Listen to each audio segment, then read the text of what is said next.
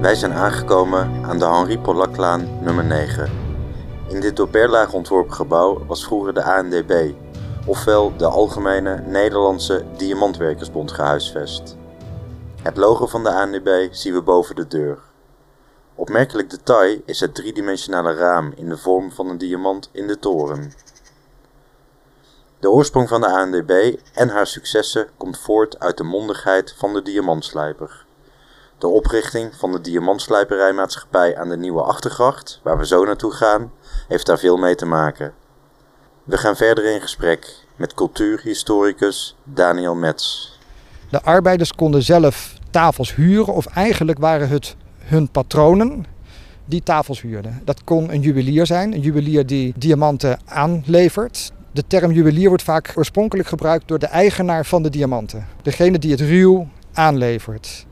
Pas later is de term juwelier ook geworden degene die daar juwelen van maakt en de sieraden verkoopt. Maar als het woord juwelier wordt gebruikt, is in eerste instantie de leverancier van de juwelen en de eigenaar die het uitbesteedt aan arbeiders om het te bewerken tot glinsterende steentjes die in juwelen gezet kunnen worden. Dus het zijn de juweliers die hier tafels huren of patronen. Dat zijn ervaren slijpers die meerdere slijpers in dienst hebben. Dus het is een heel getrapt systeem. Die huren hier slijptafels net zoveel als er behoefte is. Je kon per dagdeel kon je een slijptafel huren. Voor een, ik, ik roep even wat, een dubbeltje per halve dag ongeveer. Dan kwam je hier binnen bij de administrateur en daar betaalde je precies voor wat je nodig had. Dus dat was ook een onderhandelingspositie. De diamantarbeiders moesten dus onderhandelen over de huur van de slijptafel. Want de fabriekseigenaar die wilde natuurlijk profijt hebben. Die zette de verhuurprijs zo hoog mogelijk en de arbeider moest hem dan naar beneden zien te krijgen. En dat kon verschillen per jaar of hoe de markt ervoor stond op dat moment. Dat maakt ook alweer een, een belangrijk aspect van de diamantarbeider zichtbaar. Het zijn eigenlijk zelfstandig ondernemers. Voor hun rechten moeten ze opkomen. Zowel naar de juwelier met wie ze afspraken maken over het loon dat ze krijgen voor het slijpen, als met de fabriekseigenaar over de huur die ze moeten betalen, over de slijptafel die ze nemen. En patronen kunnen dus meerdere slijptafels nemen. En je kunt dus ook een situatie hebben waar één hele hal met 80 slijpers door één patroon wordt beheerd. Dus binnen deze fabriek kunnen weer hele verschillende ondernemingen, firma's, hun waar laten slijpen. Dan is er nog een aspect aan die positie van die arbeiders. En dat is dat ze zelf personeel in dienst hadden. Het waren vaak meerdere, drie of vier diamantslijpers die één versteller in dienst hadden. En een versteller die zit dan achter ze. Het is een gezicht naar het raam. Zij zitten van het raam af. En die krijgt de tang aangereikt.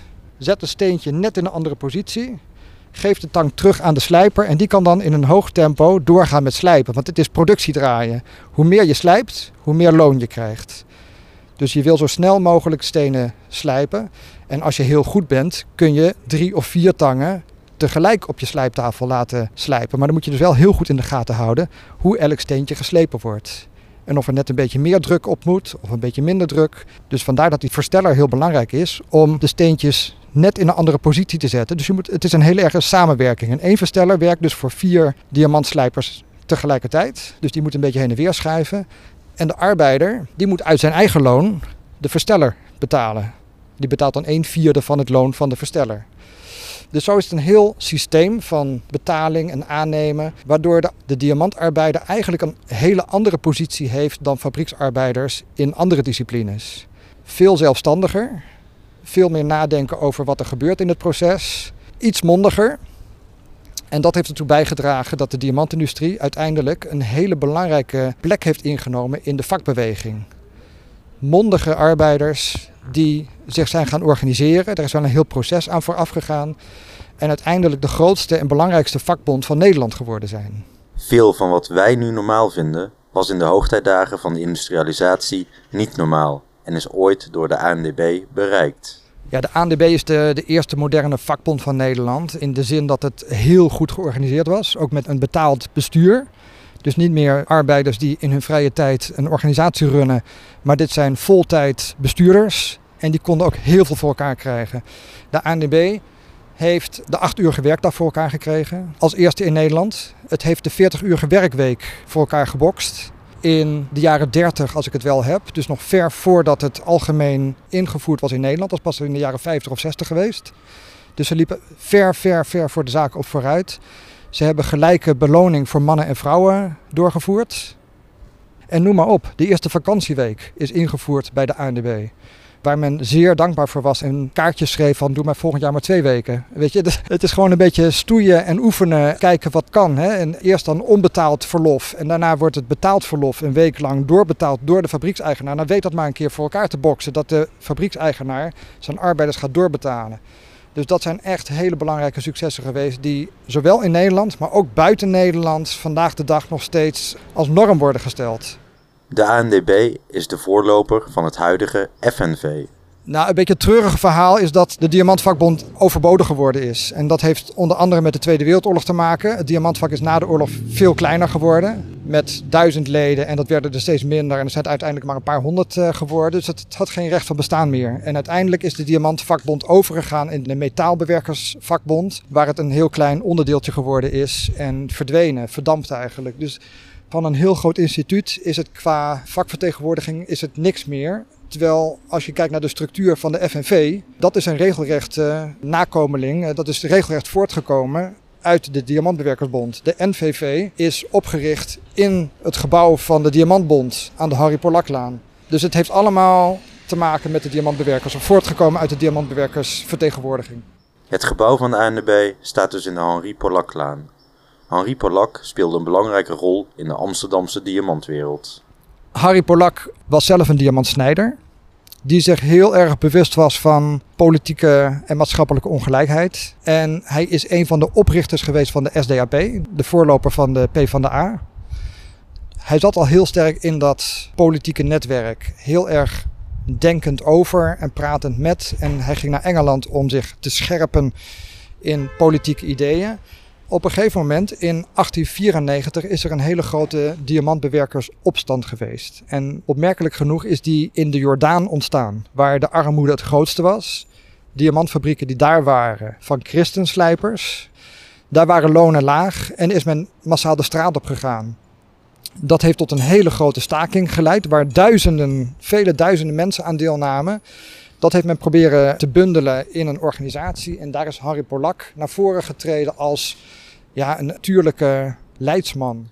Henri Polak en de ANDB verkondigden een verdeling van werk, ontspanning en het verwerven van kennis. De ANDB en Harry Polak, daar de voorman in, die waren heel erg van culturele verheffing. Ga lezen.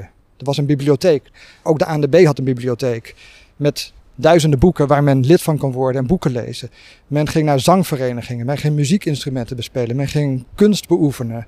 Uh, schilderkunst, uh, toneelspelen. Er kwam heel veel culturele verheffing uit de vakbeweging voort. Met het idee van je bent niet minder dan de bezittende klasse. Een naam die altijd samen moet worden genoemd met Henri Polak is Jan van Zutphen.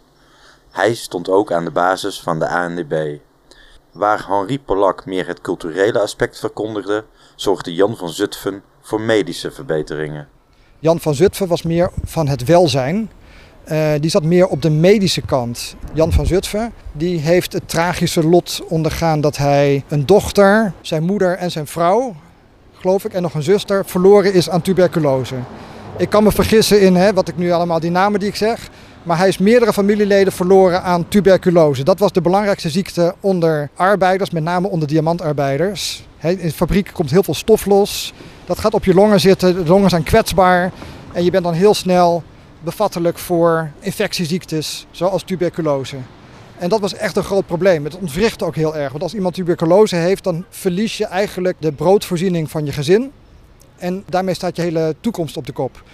Vandaar dat voor Jan van Zutphen was de tuberculosebestrijding heel belangrijk. Hij heeft het Koperen Stelenfonds opgericht. Koperen Stelenfonds, dat zijn de koperen steeltjes die gebruikt worden bij het slijpen. Je hebt een slijptang daar zit een pinnetje en daaraan zit een knop waar de diamant in zit. En dat koperen eh, steeltje, dat kun je een klein beetje buigen. Om steeds een nieuw vlakje eraan te slijpen. Die staafjes die worden na een tijdje stram of die breken. En die worden dan weggedaan. Jan van Zut heeft gezegd, die gaan we allemaal opsparen. Dat is eigenlijk is dat inkomsten. En die heeft eigenlijk het restmateriaal uit de industrie gebruikt om een groot noodfonds op te richten, het Koperen Stelenfonds. Waaruit voorzieningen zijn gecreëerd om tuberculose te bestrijden Onder andere, wat uiteindelijk in Hilversum is Sanatorium Zonnestraal opgericht. Een groot sanatorium waar mensen konden revalideren, bijkomen van eh, die longinfectie. Frisse lucht tussen de bomen, veel rust. Wat heeft bijgedragen aan die tuberculosebestrijding. Er waren geen medicijnen. Het enige wat hielp was rust en frisse lucht. Wij gaan naar de volgende locatie, de Nieuwe Achtergracht 170.